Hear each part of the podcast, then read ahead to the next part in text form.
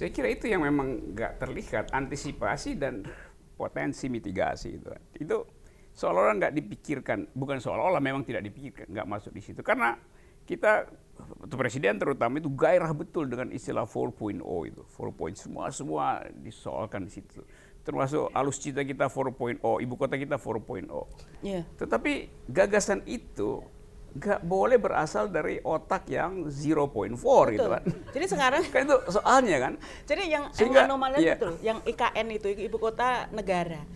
Dari awal grand desainnya itu kan alasannya dulu bahwa ada ketimpangan yang luar biasa antara Jawa dan luar Jawa. Mm -hmm. Maka itu ada alasan bahwa uh, ibu kota negara harus bergeser ke luar Jawa. Artinya kan kalau kita uh, mengikuti alur berpikir itu, maka yang akan dibangun itu tentu ibu kota bisnis. Nah, tetapi dengan desain kemarin itu kan ibu kota yang ingin diciptakan adalah hanya sekedar ibu kota administratif, ibu kota negara yes. sebagai pusat pemerintahan. Dan anehnya lagi, kalau memang itu ibu kota pemerintahan, grand desainnya ada di lelang. Jadi bagaimana hmm. mungkin logikanya gitu? Yang namanya ibu kota negara sebagai kota uh, ibu kota administratif, tentu kan itu membutuhkan secure. Kayak New York uh, dengan Washington itu kenapa pindah ke New York karena sebagai negara uh, superpower dia harus secure, harus safety dan kerahasiaan negara sebenarnya harus safety, makanya pindah ke New York gitu kan. Nah, jadi nggak ngerti kita bagaimana mungkin hal yang sesederhana itu saja itu nggak mampu gitu kan. Nggak mampu dipahami. Itu kan sederhana sekali yang namanya ibu kota pemerintah ya harus secure kok dilelang gitu? Itu kan sebagai orang awam saja itu sudah sudah apa namanya uh, tidak masuk akal. Nah Bagaimana pimpinan tertinggi kita melakukan kebijakan yang ma tidak masuk akal seperti itu, ingin meyakinkan investor-investor yang orientasinya hanya satu investor itu, keuntungan. Artinya ada kepastian kebijakan yang rasional. Nah kalau kalau kebijakannya sudah nggak rasional begitu, bagaimana orang akan yakin untuk invest ke Indonesia? bahkan berubah lagi pikiran uh, Pak Jokowi itu, Pak. Ibu kota harus pindah karena buktinya nih Jakarta banjir itu. Jadi tadi kalau Jakarta mau jadi kota bisnis, tetap akan banjir kan.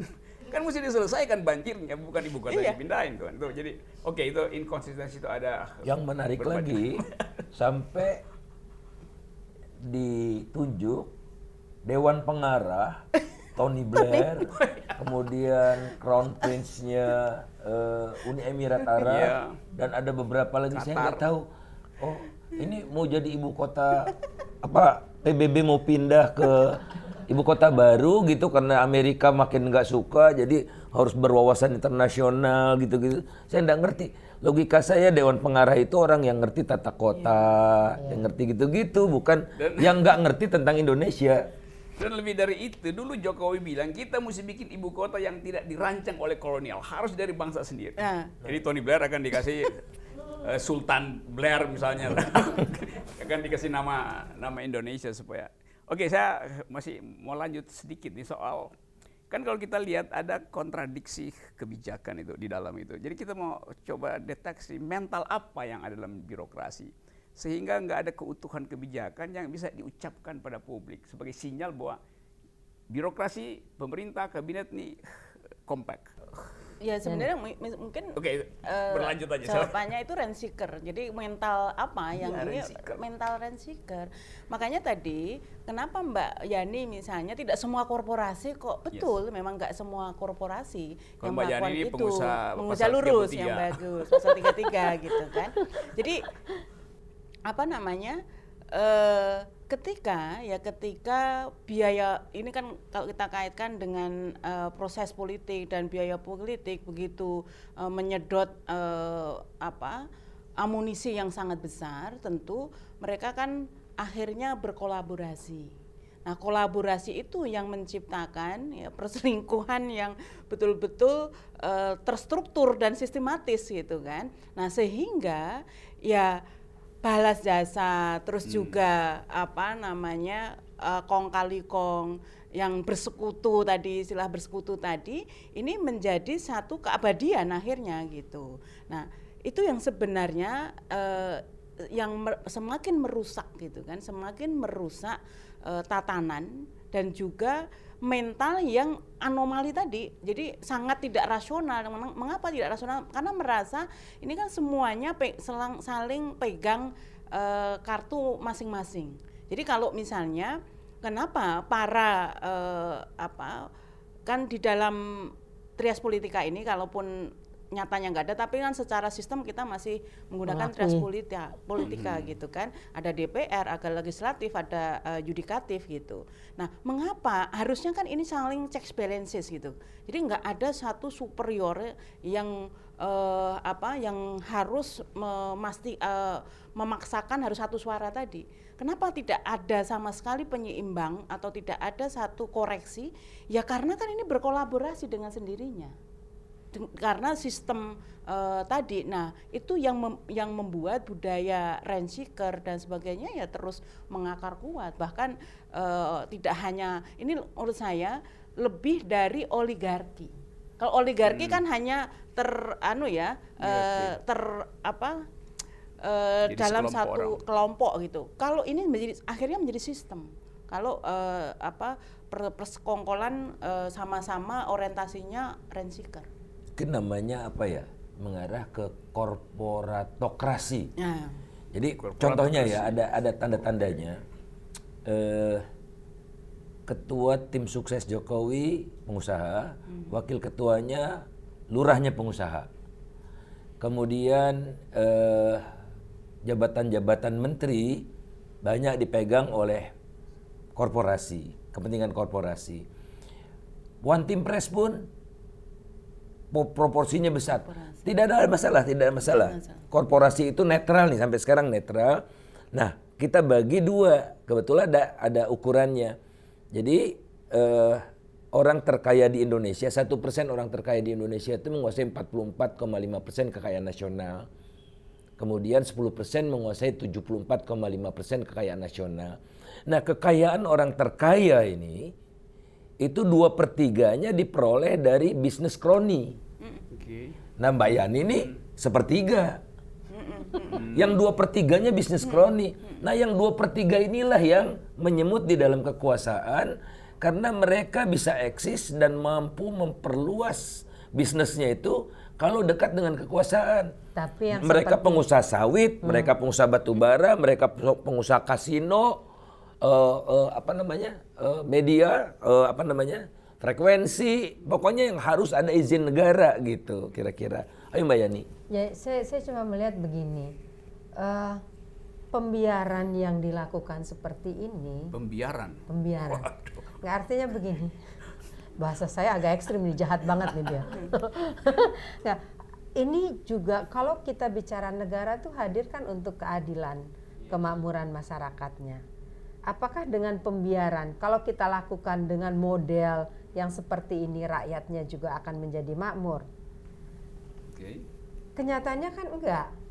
Kemudian apakah dengan seperti ini kalau kita bicara uh, keunggulan satu negara akan menjadi unggul? Kita kan negara Indonesia ini hanya bagian dari sekian masyarakat dunia. Keunggulan kompetitif kita di mana? Gitu loh. Posisi Indonesia tuh di mana? Nah, kalau kita mau menjadi negara yang maju, negara yang bisa memakmurkan rakyatnya, negara yang dipandang bukan memandang, hmm. begitu. Hmm. Ini kan kita mesti merubah diri. Pola-pola seperti ini yang sekarang ini yang terjadi, ini kan nyatanya nggak bagus, nggak bagus buat rakyat, kemudian nggak bagus buat negara itu sendiri Kemudian kemakmuran, apakah betul Indonesia ini makmur? Kalau tadi makmur hanya sekelompok aja, apakah dirasakan oleh orang banyak? Apakah dengan sistem yang seperti itu akan membuat ekonomi lebih cepat maju? Gitu. Dan dirasakan oleh orang banyak. Nyatanya pertumbuhan kita dengan sistem seperti itu kan nggak juga. Malah Bank Dunia memperkirakan di bawah 5% ya. Gitu. Yeah. Sekarang masih pemerintah masih bilang 5%. Berarti kan ada yang salah dengan model pola yang sekarang ini. Kalau memang siapa pun yang memimpin pemerintah itu hadir untuk memperbaiki negara, memperbaiki masyarakatnya. Kan itu. Ini kan nggak ada gitu. Nah, menurut saya balik lagi Kalau kita mau lihat, kita mau menuntut ini negara, negara diwakili oleh siapa sih gitu. Hmm. Kalau Indonesia kan ada trias politika, semua ini jalan nggak sih? Kita mau lihat DPR-nya. Boleh aja sih dominan, tapi kan begitu udah bicara tanggung jawab dia dipilih oleh rakyat, dia harus mikir untuk kepentingan rakyatnya juga dong, gitu loh. Nah terus kemudian yudikatif, aduh ampun deh kalau bicara soal masalah hukum di Indonesia, aduh susah ngomongnya, gitu. Saya sampai suka narik dada gitu. Anda mau bicara ini kalau saya kebetulan beragama Islam, yang namanya kalau kita bicara hukum itu paling keras hukuman di satu lembaga yang orang tempat berakhir mencari kelembagaan, tem, uh, uh, uh, mencari keadilan. Kalau kita terakhir mencari keadilan adanya di situ, mereka juga nggak dapat keadilan. Katakanlah soal kehakiman misalnya, kejaksaan, Anda jadi hakim, saya sempat jadi hakim pajak. Ngobrol aja, atau saya keluar dipayungin aja, putusan saya itu udah nggak sah Astaga. Lo menteri menteri kehakimannya aja Press lebih banyak lebih mengutamakan ngurus partai daripada ngurus rakyat gimana nah, Mbak? Kalau misalnya ada misalnya dipanggil gini orang yang membuat putusan keadilan terakhir untuk masyarakatnya bisa dipanggil duduk kan susah gitu. Nah, ini juga problem yang di di republik ini mesti diangkat. Padahal kita nih orang yang beragama di Indonesia semua dan saya yakin setiap agama tuh punya dasar begitu bicara soal keadilan bagaimana kita memberi keadilan putusan yang adil terhadap umatnya masyarakatnya pasti keras semuanya. Nah di kita tuh kan enggak. Anda mau cari deh lembaga pra, lembaga peradilan kita mana yang kita bisa percaya? Bahkan terakhir kunci tempat kita berharap kepercayaan ada di KPK juga kan kita lihat terakhir ini orang mulai bertanya walaupun KPK nggak sempurna hmm. gitu tapi paling nggak masih berharap lah tapi hari ini kan ngeliat kejadian kemarin ajaib-ajaib juga. Mm -hmm. Nah, yang seperti ini juga dilihat oleh dunia luar, termasuk korporasi. Ketika mereka punya masalah, mereka bisa mengadu keadilan di mana? Ini lembaga peradilan bukan hal yang tidak penting buat dunia usaha dan buat negara yang mau menamakan dirinya negara maju. Kan kita selalu menggembar-gemborkan kita ini akan menjadi negara G7 pada tahun berapa tuh? 40, 45. Saya numpang tanya, udah sampai di mana gitu? Komponen-komponen itu bisa kita penuhi nggak? Gitu loh. Soal transparansi tadi. Orang kalau mau negara maju itu kan semua orang money carry no flag. Jadi duit itu nggak ada nggak ada warga negaranya. Nggak punya KTP. Nggak punya KTP. Uang akan investasi di mana negara dia Betul. merasa aman, di mana dia negara itu akan merasa tumbuh, di mana dia di negara dia akan merasa diperlakukan secara adil. Mm Kan gitu. Nah, apakah kita sudah sampai di situ? Pertanyaannya. Kalau kita sudah sampai di situ, balik lagi nih bicara omnibus law. Arahnya kan cipta lapangan kerja, cipta investasi. Akankah masuk kalau ini tidak ada? Pertanyaan mendasar. Oke, tadi keterangan dari uh, Suryani, pengusaha yang marah tapi masih optimis gitu kan. Jadi ada harapan. Karena memang harus ada elemen of yeah. hope yang selalu kita pelihara. Nah, saya mau bandingkan elemen of hope itu dengan keterangan Jokowi waktu dia terpilih kedua kali. Dia bilang, saya tidak punya beban. Hmm. Tafsir saya atau tafsir publik, dia akan hajar. Semua yeah. kan dia dengan besar bilang. Hmm. Saya tahu uh, mafia petrol segala macam, mafia migas. Ya tahu, tapi kenapa nggak dihajar? Gitu. Jadi soal-soal begini yang inkonsistensi ini yang bikin orang berpikir, oke okay, kalau anda nggak punya beban, ya tadi legislator juga nggak punya beban, mari rampok ke Banggar di APBN kan. Yeah. Di, di daerah juga begitu akhirnya kan. Jadi sinyal istana itu karena nggak jelas, nggak clear, hanya diucapkan, takut mengambil konsekuensi.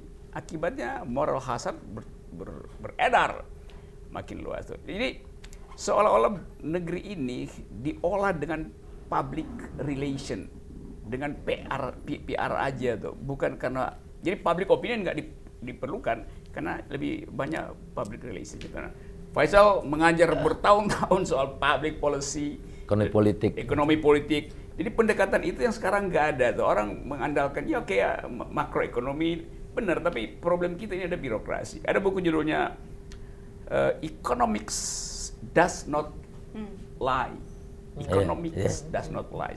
Yeah. Ilmu ekonomi nggak mungkin berbohong, yang berbohong itu menteri ekonomi itu. Yeah. Nah ini ada menarik uh, kajian menarik sekali dilakukan oleh uh, kolega saya namanya Fit Aprison. Uh, sangat menarik. Dia meneliti uh, pimpinan provinsi, gubernur, hmm. wali kota, bupati, dan presiden untuk kurun waktu tertentu di Indonesia setelah reformasi. Uh,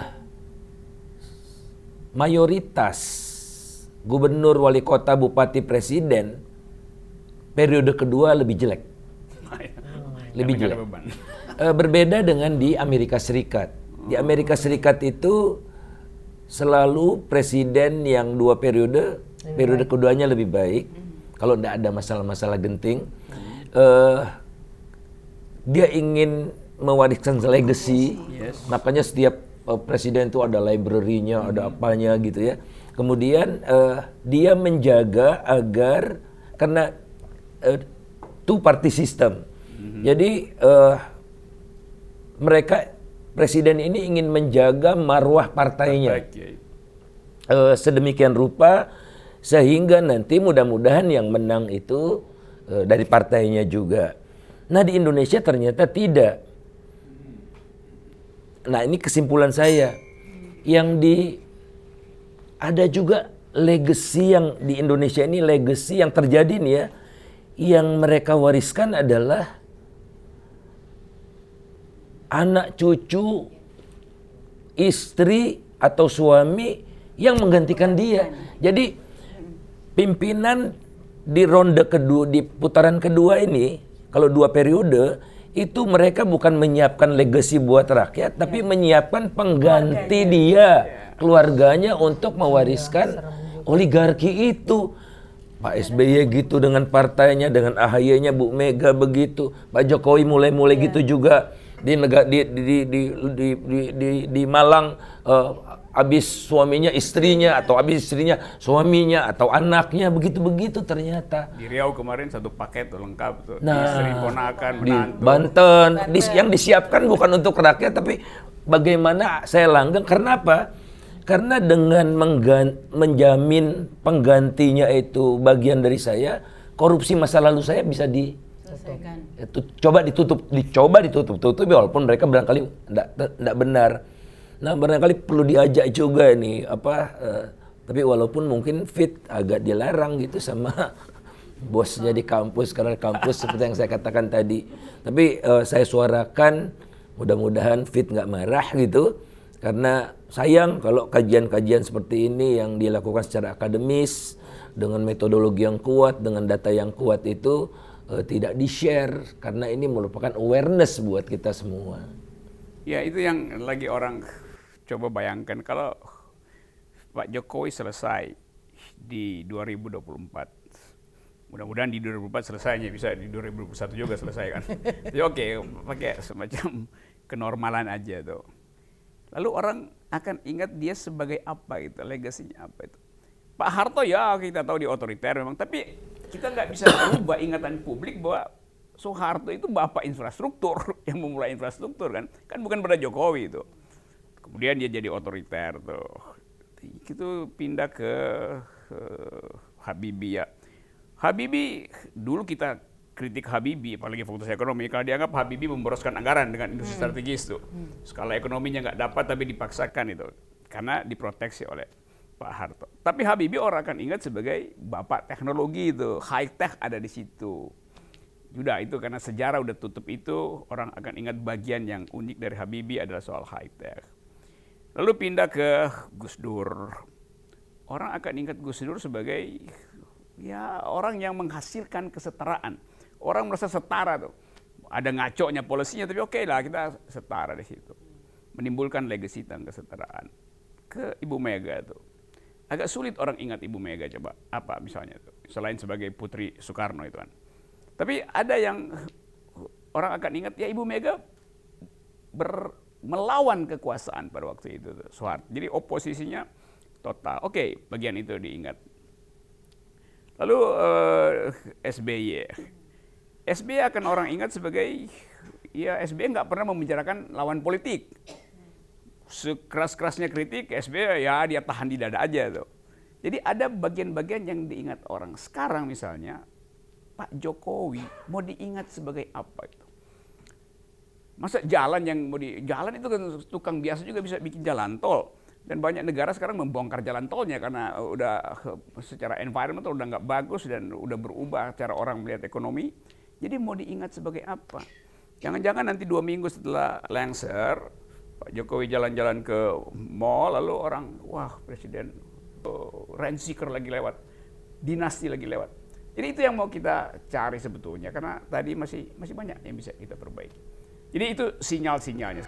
Terima kasih sudah mendengarkan podcast Akal Sehat bersama Rocky Gerung and Friends. Silahkan simak part 3 episode Upaya Menuju Indonesia Bersih.